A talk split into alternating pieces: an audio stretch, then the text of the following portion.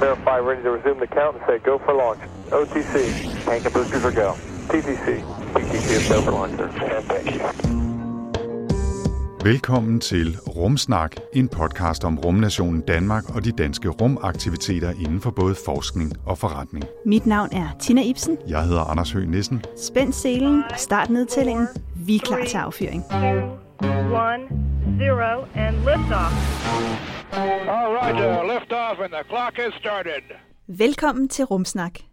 Denne gang der skal det handle om trusler fra rummet. Det skal handle om rumvær og geomagnetiske storme. Ja, og her i Rumsnak, der har vi jo altid besøg af eksperter og kloge hoveder, og denne gang, der træffer det sig så heldigt, at øh, podcastens helt egen Tina Ibsen, som sidder lige herovre for mig og lige Tada! har sagt noget, hun er ekspert i rumvær, så lige om lidt, der får jeg fornøjelsen af at interviewe Tina Ibsen. Det ved jeg ikke helt, hvordan jeg har det med, Anders. Så det er dig, der styrer slagets gang den her Jeg gang. stiller spørgsmålene, du skal bare svare. Det vil jeg gøre så godt, som jeg kan. Men øh, udover at vi skal snakke med og om mig, øh, så skal, har vi også fået besøg af specialkonsulent Morten Korslund fra Beredskabsstyrelsen, der fortæller lidt om øh, rumvær. Øh, de valgte nemlig i 2017 at sætte rumvær på det nationale risikobillede. Og han skal fortælle om jamen, både, hvad det er for nogle risici, der er forbundet med rumvær sådan for det danske samfund, både i form af kommunikation, navigationssystemer og sådan andet elektronik, og hvad det egentlig kan betyde for os. Ja, og hvad man kan gøre ved det om noget. Ikke mindst. Vi håber, at øh, solen forholder sig i nogenlunde ro, indtil vi er færdige med denne episode af Rumsnak. Okay, it's a nice ride up to now.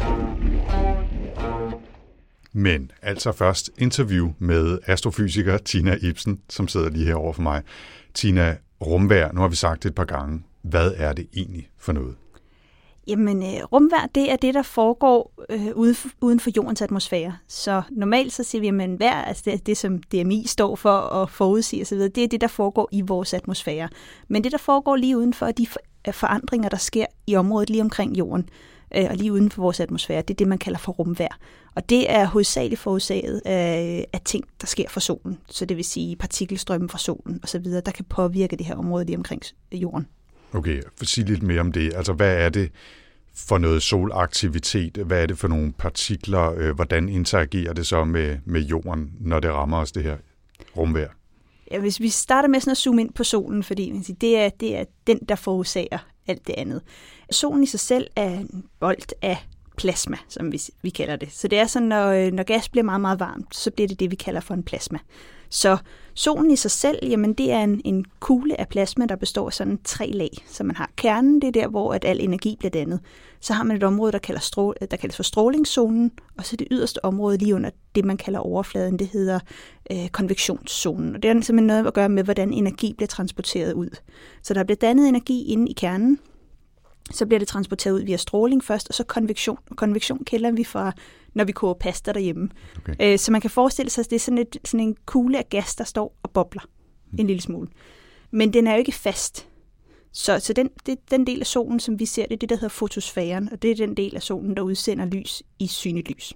Så det er simpelthen derfor, den ser sådan fast ud, når vi ser den. Men den er egentlig bare sådan en kugle af gas.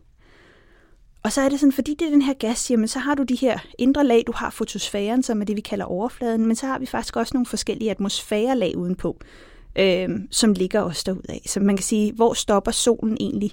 Jamen det gør den faktisk først ved slutningen af vores solsystem, fordi vi sidder faktisk lige nu i solens atmosfære, for den strækker sig bare ud. Fordi der stadigvæk er partikler fra solen, som Præcis. ryger helt ud i det yderste Så det bliver af bare tyndere og tyndere og tyndere Ja. og tyndere. Ja. Øh, men det der så er, det er, at jamen, øh, solen har et magnetfelt, ligesom jorden har. Øh, jorden har det, der hedder dipolmagnetfelt, så det svarer faktisk til, ikke helt sådan det er, men man kan forestille sig, at vi har en kæmpe stangmagnet øh, inde i centrum af jorden. Den man kender fra fysiklokalet. Mm-hmm. Rød i den ene ende, hvid i den anden ende, men nord- og sydpol. Og den laver sådan et, et magnetfelt, der går ud af Sydpolen og op i Nordpolen. Bum. Øh, sådan Tina, ligesom Mickey Tina sidder ører. og illustrerer. Ja, il- illustrerer sådan meget flot. ja, ja. Men det er sådan lidt Mi- Mickey Mouse ører, der går, der går udenom. Og det har solen det samme af også. Men fordi solen består af en plasma, så går det her plasma ind og påvirker det her magnetfelt, der findes. Fordi når man har et plasma, så er det faktisk elektrisk ladet. Og det her elektrisk ladede plasma kan hive i magnetfelterne. Øh, så man har også et dipolmagnetfelt på, på solen, ligesom man har på jorden, men nord- og en sydpol. Men det er faktisk sådan, at når man så har denne her, altså overflade, den her sådan klump af, af gas, øh, som, som solen er, så hiver den faktisk i det her magnetfelt. Mm. Og i det, at ekvator roterer hurtigere, end polerne gør, så hiver man det her magnetfelt med rundt. Og hvor jordens magnetfelt er sådan pæn og ordnet, så bliver det noget værre rod på solen. Så det vil sige, at man faktisk får, får, får, får rodet det her magnetfelt sådan helt sammen, og man får, får lavet knuder på det og alt muligt. Ja. Øhm, og når, der, når man har et meget rodet magnetfelt, når man får lavet de her knuder på det, så kan der ske det, at øh, dele af det her magnetfelt kan brække af solen. Det skaber enormt meget energi. Og så vil det sige, at noget af det her plasma, der bliver fanget i det her magnetfelt, bliver kastet ud fra solen med tusinder af kilometer i sekundet. Aha. Og det er det, man kalder for et soludbrud.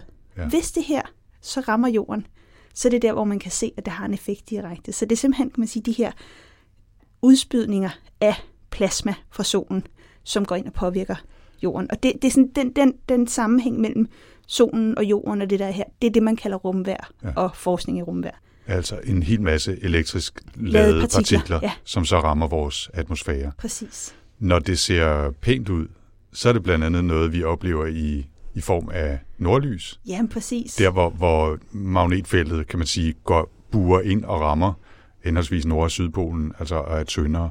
Det, det er derfor, vi kan se nordlys nordpå og sydlys øh, sydpå, sydpå, ikke? fordi det, det er tyndere der. Jamen præcis, ja. så man kan sige, at det der sker, det er, at man skræller de yderste lag af magnetfeltet af, men der vil stadig være de indre lag. Og de her elektrisk ladede partikler, de rejser så via de magnetfelter, der er.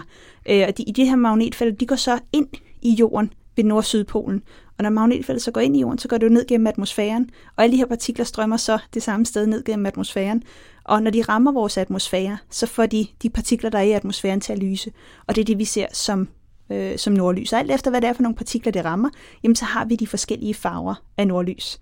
Så det er faktisk man sige, vores atmosfære, der lyser op, når man ser det her nordlys. Mm. Og det sker jo så der, hvor at magnetfeltet går ind i jorden, som er ved Nord- og Sydpolen. Mm. Når vi snakker om de her elektrisk ladede partikler, den her plasma, der rammer vores atmosfære, så kommer det altså, som du sagde, fra solen. Det er udbrud fra solen, eller ud, udstødninger fra solen. Der findes forskellige slags. Kan du lige prøve at fortælle om de tre forskellige slags? Jo, så man har øh, på engelsk det, som man kalder flares, så har man solar energetic particles, og så har man CME, eller coronal mass ejections. Øh, på dansk hedder det solstorm, solstorme og solstorme. Okay. øh, det var samme grund til, at jeg valgte at skrive og holde mit speciale på engelsk, fordi at, øh, det blev simpelthen noget rod. Hvis Ellers så bliver det meget hurtigt forvirrende, ja. ja. Ja, så man CME, altså nogen, jeg har hørt nogen kalde koronale masseudbrud, ja. hvilket jo egentlig ville være den direkte oversættelse, det lyder lidt dumt. Men... Øh, men, hvad, hvad, hvad er forskellen på de tre? Det lyder som om, det basalt set er det samme, der er bare forskel på mængden. Men ja, det, og det, det er det også, altså det er det lidt, så, så, så flares er ofte det, som jeg sagde, når, når man har det her øh, magnetfelt, der bliver revet væk, så skaber det noget energi, så når man har det her magnetfelt, der ligesom knækker over, øh, så er der en enorm energiudladning, og det er det, man kalder for solar flares. Øh, de kan fås alt efter, hvor kan man sige, udstrukne, jeg forestiller mig altid det her magnetfelt som sådan lidt en elastik eller sådan noget. Så alt efter hvor udstrukken den her elastik er, så udlader det mere eller mindre energi. Så en meget udstrukken elastik, rigtig meget energi. Man kan godt forestille sig det lidt, ikke? Ja, øhm, ja. Så, og det er jo sådan, det, det de her flares. De er jo så ofte, næsten altid, forbundet med en coronal mass ejection, som er simpelthen det her magnetfelt, der bliver kastet ud.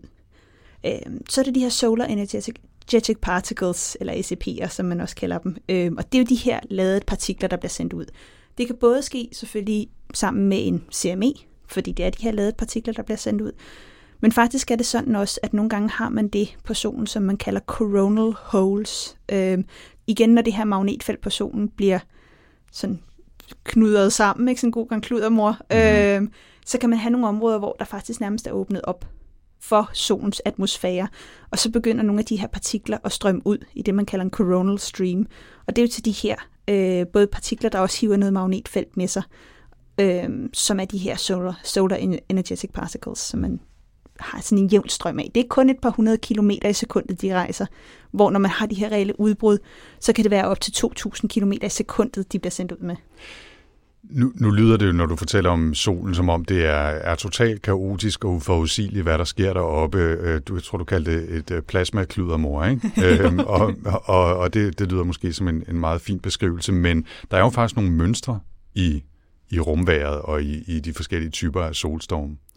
Jamen, fordi man kan sige, jamen, når vi har den her øh, sol, der ikke roterer sådan helt ens alle steder, så kan man sige, jamen, så er den blevet kludret en gang, og så burde det jo bare blive værre og værre og værre, og så burde vi altid se voldsomt mange solstorme.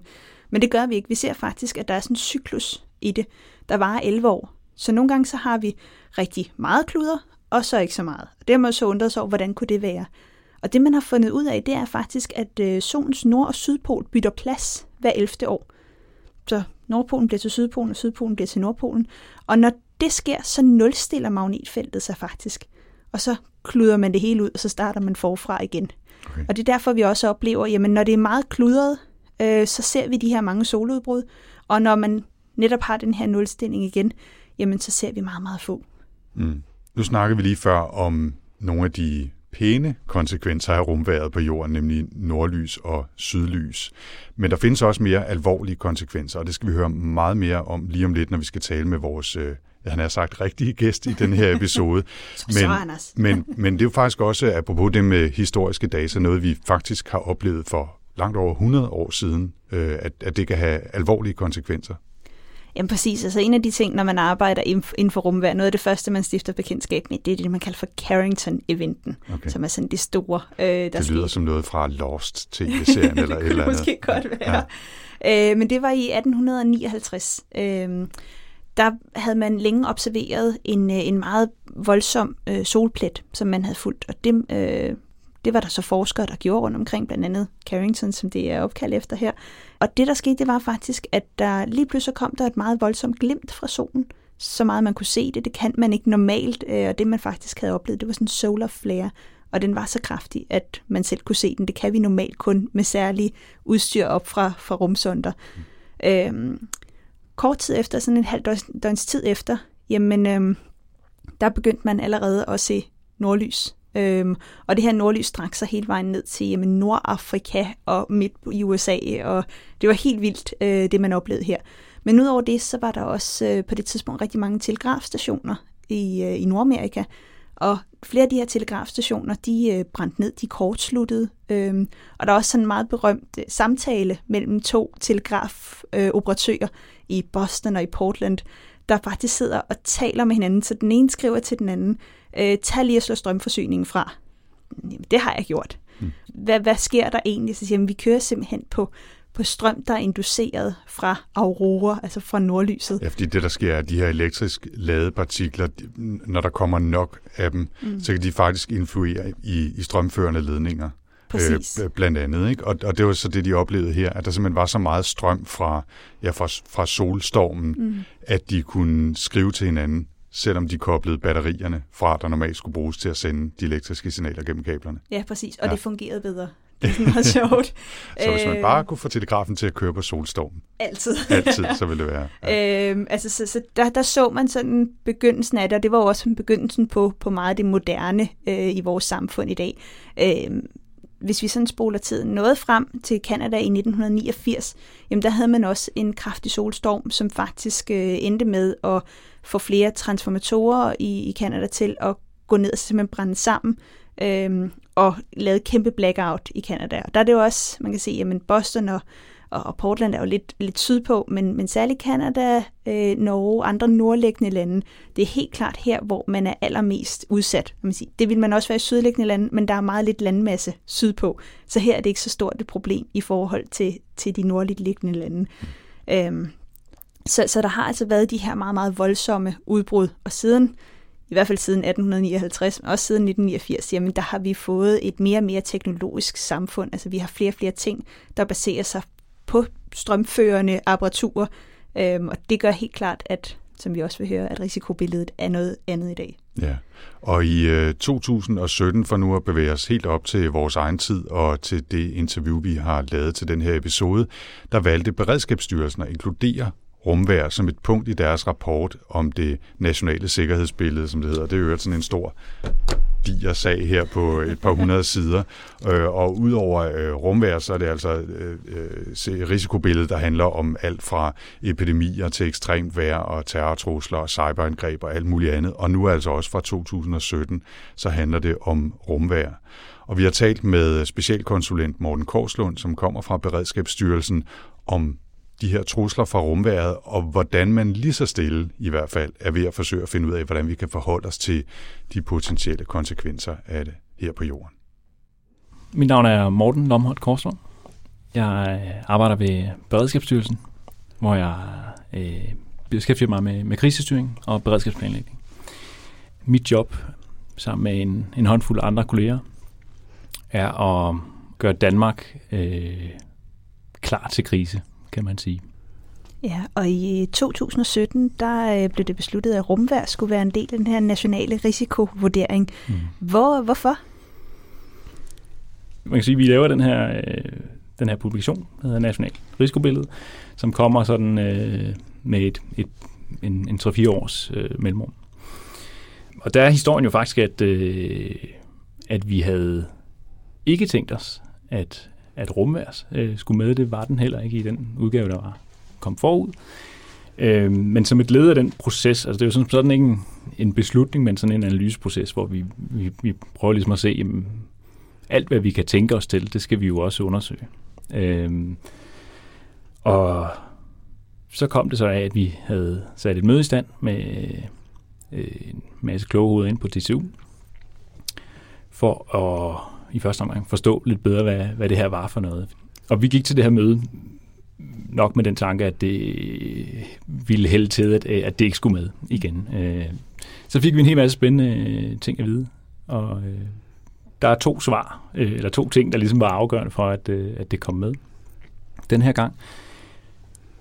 Altså det ene er, at øh, man synes, det er ikke et nyt problem, det er måske sådan 4,5 milliarder år gammel, eller hvor gammel solen nu er. Så det, det, øh, men, men, men vores sårbarhed over for det her har jo ændret sig. Altså, øh, vi, er, vi er afhængige af nogle teknologier, som er udsat for det her, som, som vi bliver mere og mere afhængige af, og mere ensidigt afhængige af.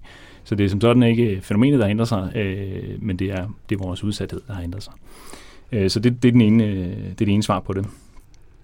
Det andet svar er, at, at øh, igennem det her møde, og også et senere møde, vi havde med, med ESA, nede i, øh, i Darmstadt i Tyskland, der blev det jo også klart for os, at, at rollefordelingen var ikke ligesom på plads. Altså der var, øh, der var mange, der ligesom kiggede på Beredskabsstyrelsen og tænkte, når der kommer en, en beredskabssituation eller en eller anden form for krisesituation, så, så må det alt, alt andet lige være, være os, der skal tage sig af det. Og så blev, fik vi jo sved på banen, fordi vi ved jo øh, intet om astrofysik. Øh, øh, som i overhovedet. Men, øh, men, men der var jo klart et problem, fordi øh, alle stod ligesom og havde nogle forventninger til nogle andre øh, organisationer.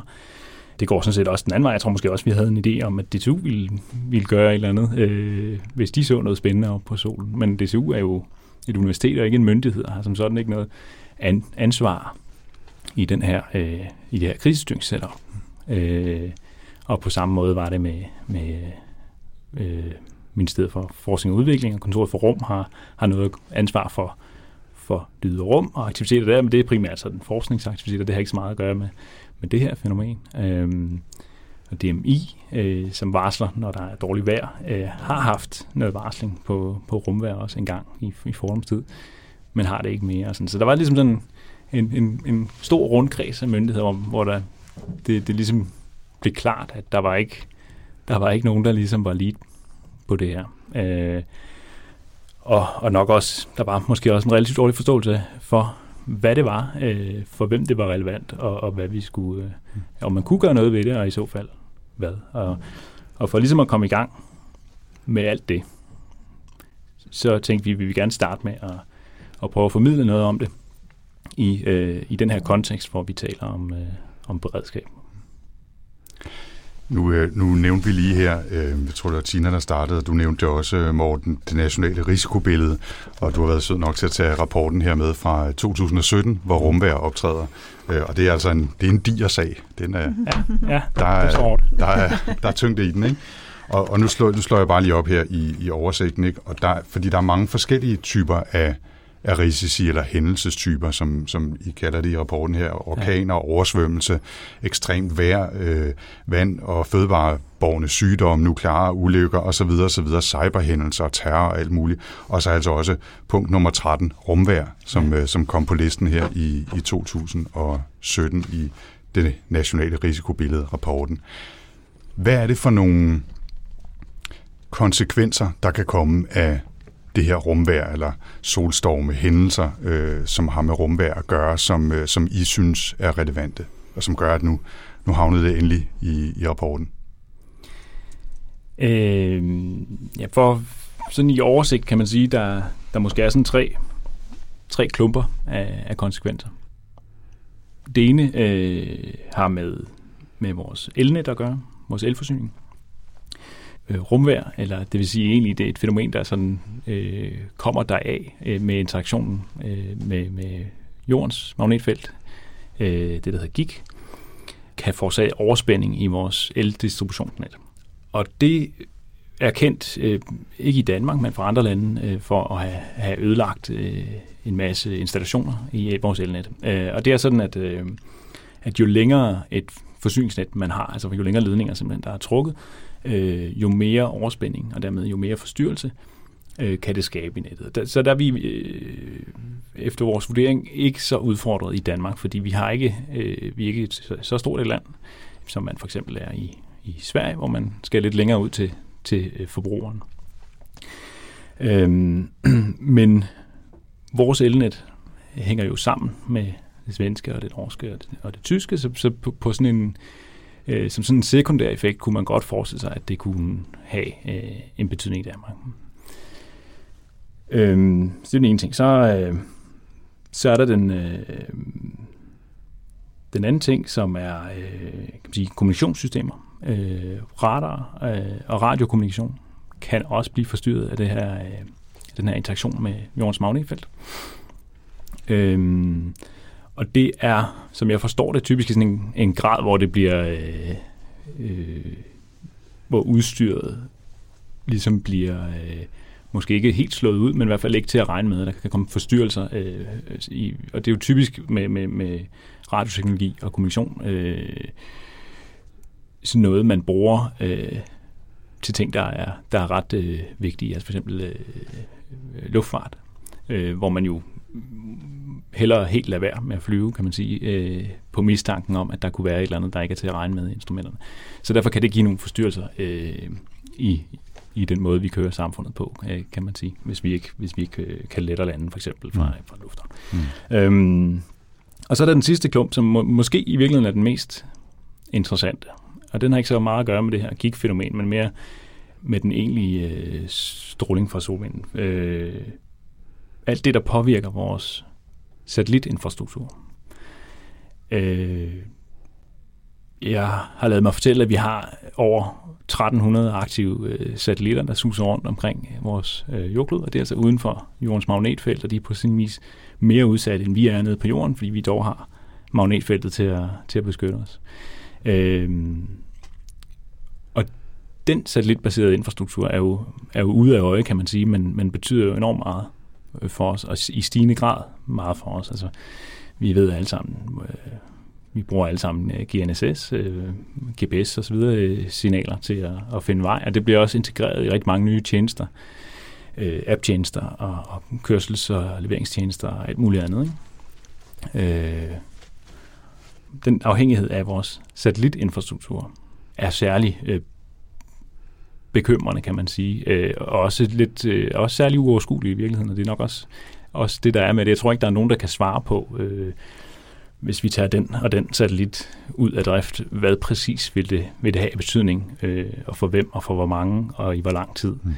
Øhm, og, og det er jo noget, som, som vi har behov for at sætte, øh, sætte på, på dagsordenen i forhold til, hvordan vi, vi bygger afhængighed op. Altså, Altså, det, det, det er jo super interessant det her med, at hvis man ser på forstyrrelser af vores el system, elinfrastruktur, det er jo kendt. Altså det sker jo af mange andre årsager også. Mm. Så der kan man også bedre forholde sig til konsekvenserne af det, og hvordan skal man deal med det. Altså mm. det svarer jo til, at øh, et, et træ vælter og, og river nogle ledninger ned, eller en transformator ryger i luften, eller et eller andet. Ikke?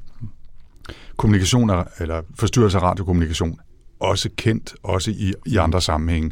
Men hvad der vil ske, hvis GPS fuldstændig bliver unøjagtigt, eller måske i værste tilfælde røg ud af drift i, altså i, på, på, på dele af kloden eller i, i perioder.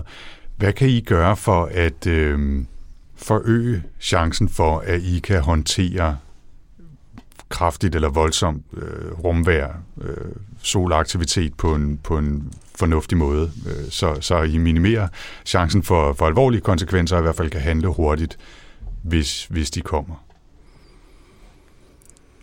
Jamen, det er jo, øh, det er jo et rigtig godt spørgsmål. Mm. Tilbage til det her med, med rollefordelingen. Øhm, at der skal jo så skynde mig at sige, at det er jo ikke beredskabsstyrelsen, der skal håndtere det her, fordi øh, det er ikke det, vi, øh, det, vi, det vi ikke er kompetente til, men det er selvfølgelig en eller anden myndighedsfælles opgave et sted.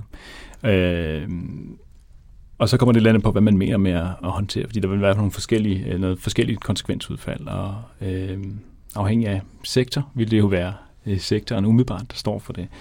Det vi tror, vi kan, det er jo i første omgang i hvert fald at varsle, øh, fordi det er sådan med, øh, i hvert fald med de her coronal mass ejections, at, øh, at vi har måske et eller andet sted mellem 16, 17 og 24 timer måske fra, at vi kan observere noget på solen, til det er fremme, og det vil have en eller anden form for effekt ved jorden. Øh, og det er jo umiddelbart meget komfortabelt rum at have og handle i, hvis bare vi vidste, hvad det var, øh, vi kunne gøre. Ikke? øh, så, så, så, så sagen er ligesom, at, at, at nu, øh, nu vil vi i første omgang gerne tale om det øh, med alle dem, for hvem det kunne have en konsekvens. Og så vil vi gerne prøve at finde ud af, hvad vi øh, kan gøre ved det, altså når vi står midt i det, men også langsigtet. Altså hvordan bygger vi os ud af, at vi kan blive ramt på nogle afhængigheder. Og så vil vi gerne kunne, kunne varsle om det, sådan at, øh, at, at vi kan få alle mand i hullerne, kan man sige, øh, til at lave et eller andet fornuftigt. Men der er ligesom, der er ligesom de, øh, de trin, øh, og, og det ene virker ligesom ikke før det andet, øh, kan man sige. Men vi skal starte et sted.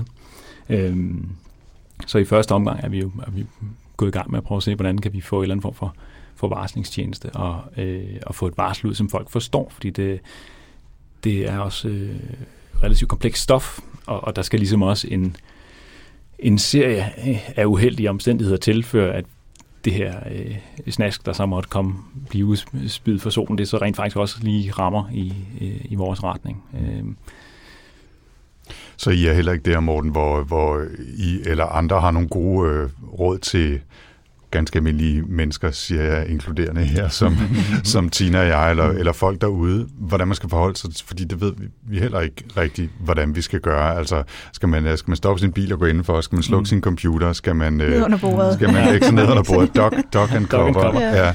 Øh, og, og det er jo også en, en udfordring et eller andet sted, og, og det er derfor, tænker jeg også, at det bliver et, et længere arbejde med, at mm. der skal mere forskning til, I skal forholde jer mere til, øh, hvordan, hvordan skal man forholde sig, og ja. der skal simpelthen flere studier til, øh, ja. og, og så kan man langsomt gå i gang med at opbygge en varslingstjeneste, øh, begynder at lave nogle skitser til nogle forholdsregler, og, og så videre, ikke?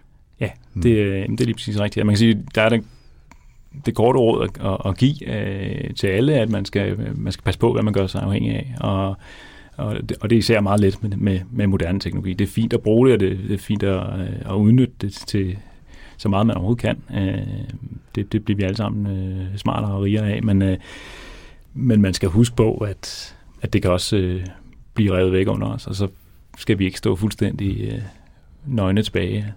Ja, og det var altså her specialkonsulent Morten Korslund fra Beredskabsstyrelsen, der fortalte, og vi linker selvfølgelig til rapporten om det nationale risikobillede fra 2017, og det gør vi fra vores show notes selvfølgelig. Ja, så hvis man ikke har noget at læse i aften eller i weekenden, så, øh, så altså, er der... Sige, det, det er ikke for sarte sjæle, ej, øh, nej. fordi man bliver virkelig paranoid af at læse den her slags øh, risikobilleder eller risikorapporter, ikke? fordi det er altså ikke små ting, der kan ramme os, og det er lige før rumvær bare er det mindste af det her. Jeg synes, mange lidt øh, frygt til lidt øh, adrenalin i sin Eller hverdag. hvis man savner så en der. idé til at skrive et uh, sådan rigtig katastrofefilm-manus, så er der altså masser af god inspiration. I og så kan man måske gøre det rigtigt videnskabeligt for en gang skyld. Det vil også være rart, ja.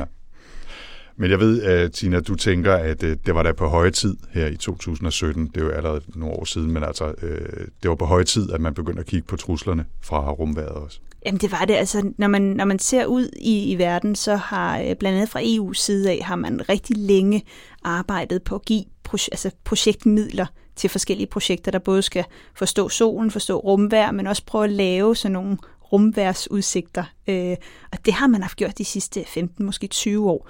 Øh, og problemet har været i Danmark, at jamen, der har ikke været så meget opmærksomhed på det her felt. Øhm, og det er jo så i forhold til, jamen, hvis vi ser Sverige, Norge, Finland, mange andre lande, jamen de prioriterer det mere.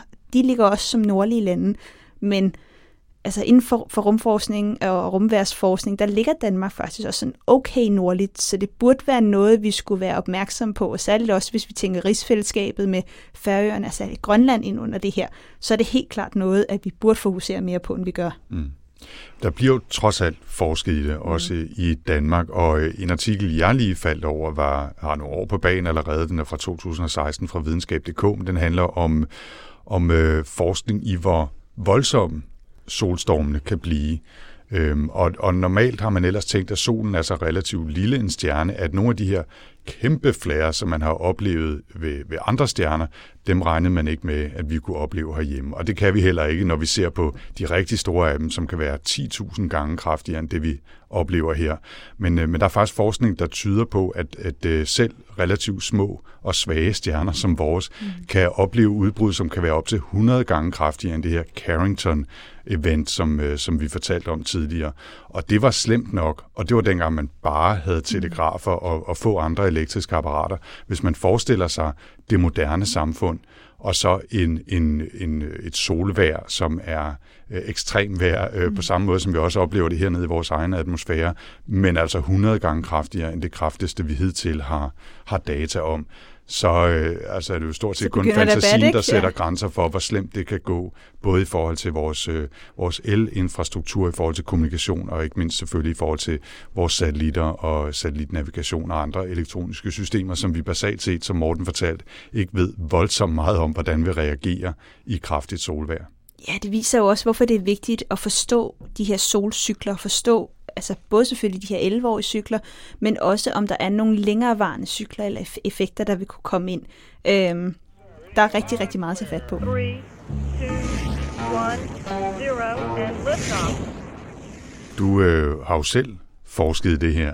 Øh, kan du ikke lige fortælle kort sådan mere specifikt, hvad det var, du kiggede på? Det er jo efterhånden ved at være en 6-7-8 år siden eller sådan noget. Ja, det var i 2011 og 12. Ja. Øhm, der øh, var jeg med i et europæisk projekt, der hed COMCEP, øh, som ja, var finansieret af, af EU, og det var på DTU Space, hvor øh, jeg arbejdede på det tidspunkt, og øh, det mit projekt egentlig gik ud på, det var at sige, at når vi har et eller andet, der foregår på solen, hvis vi har et soludbrud, en coronal mass ejection, en flare, et eller andet, og der bliver udsendt noget materiale, hvordan bevæger det materiale sig så ud fra solen gennem vores solsystem? Øh, fordi der var nogen, der, der talte om, jamen måske afbøjer det en lille bitte smule. Bliver det større? Bliver det mindre? Altså, hvordan er det Fordi man kan sige, der kan jo ske nogle meget voldsomme øh, flares fra solen af, men det er jo ikke farligt for os her på jorden, hvis det rejser i den modsatte retning. Det kan jo lige så mm. godt ske på det der solens bagside lige nu. Klar. Så, så derfor vil vi gerne vide, jamen, hvordan bevæger de her solstorme sig egentlig ud gennem øh, vores, vores solsystem. Øh, så det jeg gjorde, det var at prøve at se, jamen over en periode på 15 år, øh, hvordan kunne jeg så øh, finde data, der kunne bruges. Mm. Øh, og der fandt jeg en periode øh, omkring 2001, altså 2000 og 2001, hvor at, øh, at jorden og øh, Mars havde stået sådan rimelig godt på, på linje, og længere derude af havde der faktisk været en del missioner, der lå sådan fint, næsten på linje. Mm. Øhm, og det var også under sidste solmaksimum, så der havde været en del udbrud, og særligt stort udbrud i juli 2000. Bastille Day-eventen kaldte man den. mm. øhm, og, øh, og der fulgte jeg simpelthen, der kunne jeg se flere steder, at der var, så jeg kunne se det her udbrud på solen, og så kunne jeg finde øh, resterne, der var blevet sendt ud, altså det her plasma, der var blevet sendt ud længere og længere, længere ud i solsystemet.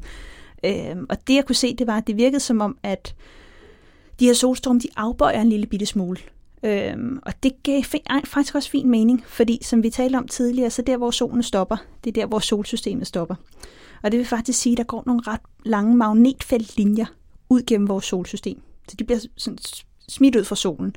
Og når solen så roterer, så skaber det sådan nogle lidt mærkelige, ligesom hvis man har set spiralgalakser med mm. de her mm. spiralarme. Hvis de bliver Jamen, afbøjet lidt på grund af rotationen. Smule. Ja, præcis. Ja. De sådan ja. hænger lidt bagved solen ja. nærmest.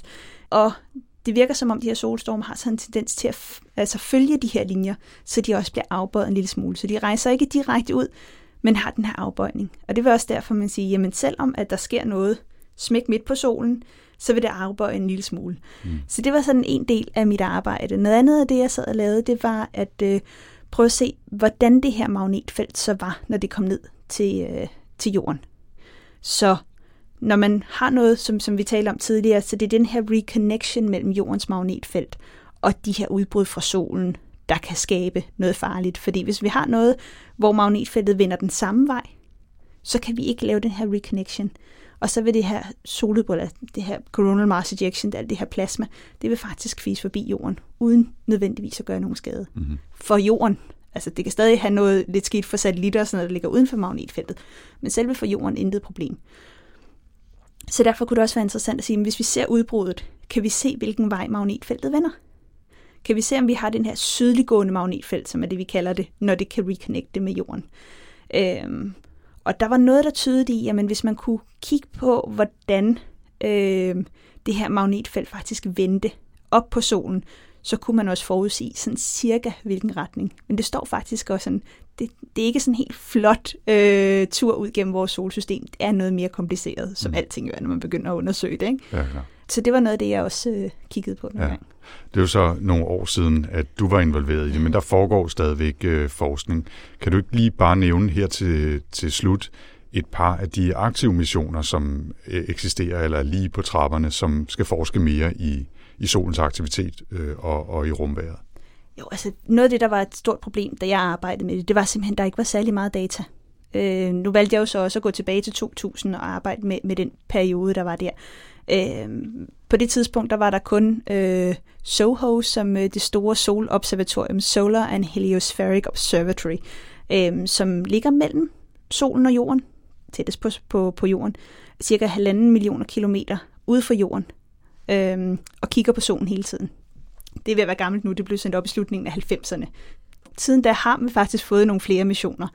Øh, efterfølgeren til SOHO øh, kom her øh, for lille år tid, 10 siden. Øh, det var Solar Dynamics Observatory, som var en NASA-mission, øh, som simpelthen var en opgraderet SOHO. Så der kunne man se på solen i gammastråler, og man kunne se noget af det, der hed en, øh, en coronagraf, som er sådan lidt en... Øh, hvis man nogensinde har oplevet en total solformørkelse, eller har set billeder af det, så kan man se, jamen der er solskiven blevet dækket, og så kan man faktisk se øh, solens atmosfærelag, altså coronaen, der går udenomkring. Og det er det, man prøver at genskabe, så man kan se en faktisk her øh. Kunst, kunstig solformørkelse, en kunstig og så kan man se øh, solens atmosfære, som siger, eller coronaen. Præcis, øh, øhm, og der kan man nemlig se de her, øh, hvad hedder det, coronal mass ejections, der kan man simpelthen se, hvordan det er sådan bobler, der bliver kastet ud. Ja. Det er sådan ret fedt, du kan faktisk se ja, magnetfeltet. Ja. Øh, øh, så det er sådan de to sådan store flagskibs øh, observatorier, man har haft. Men udover det, jamen så øh, i 2000, starten af 2000'erne, midten af 2000'erne tror jeg det var, der sendte man stereo ud og stereo var faktisk to rumsonder, som man sendte hver sin vej rundt om solen i jordens bane, for at se, om man kunne tage stereobilleder. Mm-hmm. Fordi et af problemerne ved både SOHO og SDO, det er, når man ser billeder af de her CME'er, så ser du dem i 2D. Så det er svært at finde ud af, hvad deres 3D-struktur egentlig er. Og det var noget af det, man håbede på med stereo. Men det var i, det var i 2005, mener jeg, 2006, de blev sendt op. Og det var lige ved sidste sol øh, sidst igen, solminimum, så der foregik ikke særlig meget for solen, så man fik ikke særlig meget data lidt, derfra. Lidt ærgerlig timing. Ja. det var lidt ærgerlig timing. Ja. Øh, men ellers så øh, her for et års tid siden, der blev Parker Solar Probe sendt op, og de her baner, som jeg fortalte om før, altså, som bliver afbøjet, de her magnetfeltbaner, det er faktisk det, man kalder Parker-spiralen. Og det var en måde, hvorpå man ville prøve at undersøge magnetfeltet, der kom ud fra solen af i, i større detalje. Ja. Så det næste store, vi har, det er en europæisk mission, der hedder Solar Orbiter. Det er sådan, igen sådan en stor mission, hvor man skal prøve at undersøge solen i højere detalje. Mm. Så der har været rigtig mange missioner, men hver af de her missioner har jo så forskellige instrumenter, som kan se forskellige ting. Øh, man har også en mission, der skal prøve at komme helt tæt på, øh, så tæt som muligt på solen. Men når vi kommer tæt på solen, så bliver det også meget, meget varmt. Så, så det er faktisk rigtig svært at sende missioner tæt på solen, øh, fordi man skal lige pludselig have et kæmpe solskjold også. Og problemet er, hvis du sætter solskjoldet i den retning, som er det, du gerne vil se, så, så er det sådan lidt skidt. Så der, der er mange ting, øh, som vi ikke forstår ved solen. Og en af de store spørgsmål, vi faktisk har lige nu, det er, hvis vi, som vi snakkede om før, med, der har vi fotosfæren, som er overfladen af solen, eller den del, vi i hvert fald kan se, som er de her omkring 6.000 grader varme. Men når vi kommer ud til coronaen, så er coronaen faktisk øh, en million grader varm. Ja, det er lidt øh, paradoxalt at tænke på. Ja, det er sådan ja. lidt mærkeligt. Og der er en, hvis man skulle have det, så skal man have et område, hvor at partikler bliver accelereret, så de bevæger sig hurtigere. Så kan man få en højere energi, og så får man de her højere temperaturer. Mm. Men helt præcis, hvad det er for nogle mekanismer, der skulle gøre det, det ved vi ikke endnu. Nej. Så vi kan måle, at det er sådan, men helt præcis, hvad der foregår, det ved man ikke. Og det er altså noget af det her, de nyere missioner virkelig er sat ind for at prøve at undersøge, prøve at se de her områder mellem fotosfæren, og så det næste atmosfærelag, der hedder kromosfæren, og så coronaen. Hvad der sker i de her transitionsområder mellem atmosfærelagene, fordi der må der være et eller andet, der gør det varmere og varmere.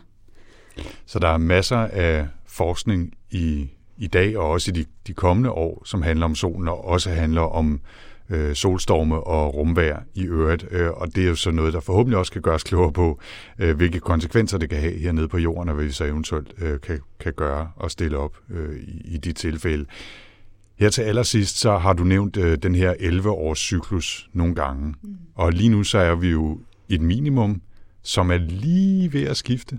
Ja, så, øh, så vi er på den mest kedelige tidspunkt, vi overhovedet kunne være på, når det kommer. Men vi kan se frem til en hel masse Vi kan se frem ting. til en masse spændende. Så vi er et minimum nu, og, og vi er i det, der hedder øh, solcyklus 24. Og det er fordi, det er solcyklus nummer 24, siden vi begyndte at tælle. Mm-hmm. Øhm, og forudsigelserne siger, at, øh, at vi her i slutningen af 19, starten af 20, vi går ind i solcyklus 25, og så vil der gå de her 5-6 år, før vi så når maksimum. Og det betyder jo så potentielt, at der kan komme flere forstyrrelser, altså både på satellitter uden for vores atmosfære, men potentielt også på elinfrastruktur og, øh, og navigationssystemer og anden elektronik hernede Præcis. på jorden. Men også mere nordlys. så det er ikke kun skidt. Så det er ikke kun skidt, nej. Øh, og når vi, når vi så kigger, det er jo, og det er jo en af de ting, vi, vi heller ikke helt forstår endnu, det er de her, jamen, den sidste solcyklus, altså solcyklus 24, havde et meget, meget svagt maksimum. Der var ikke særlig meget aktivitet, og der var heller ikke særlig meget nordlys, der heller blev dannet af det.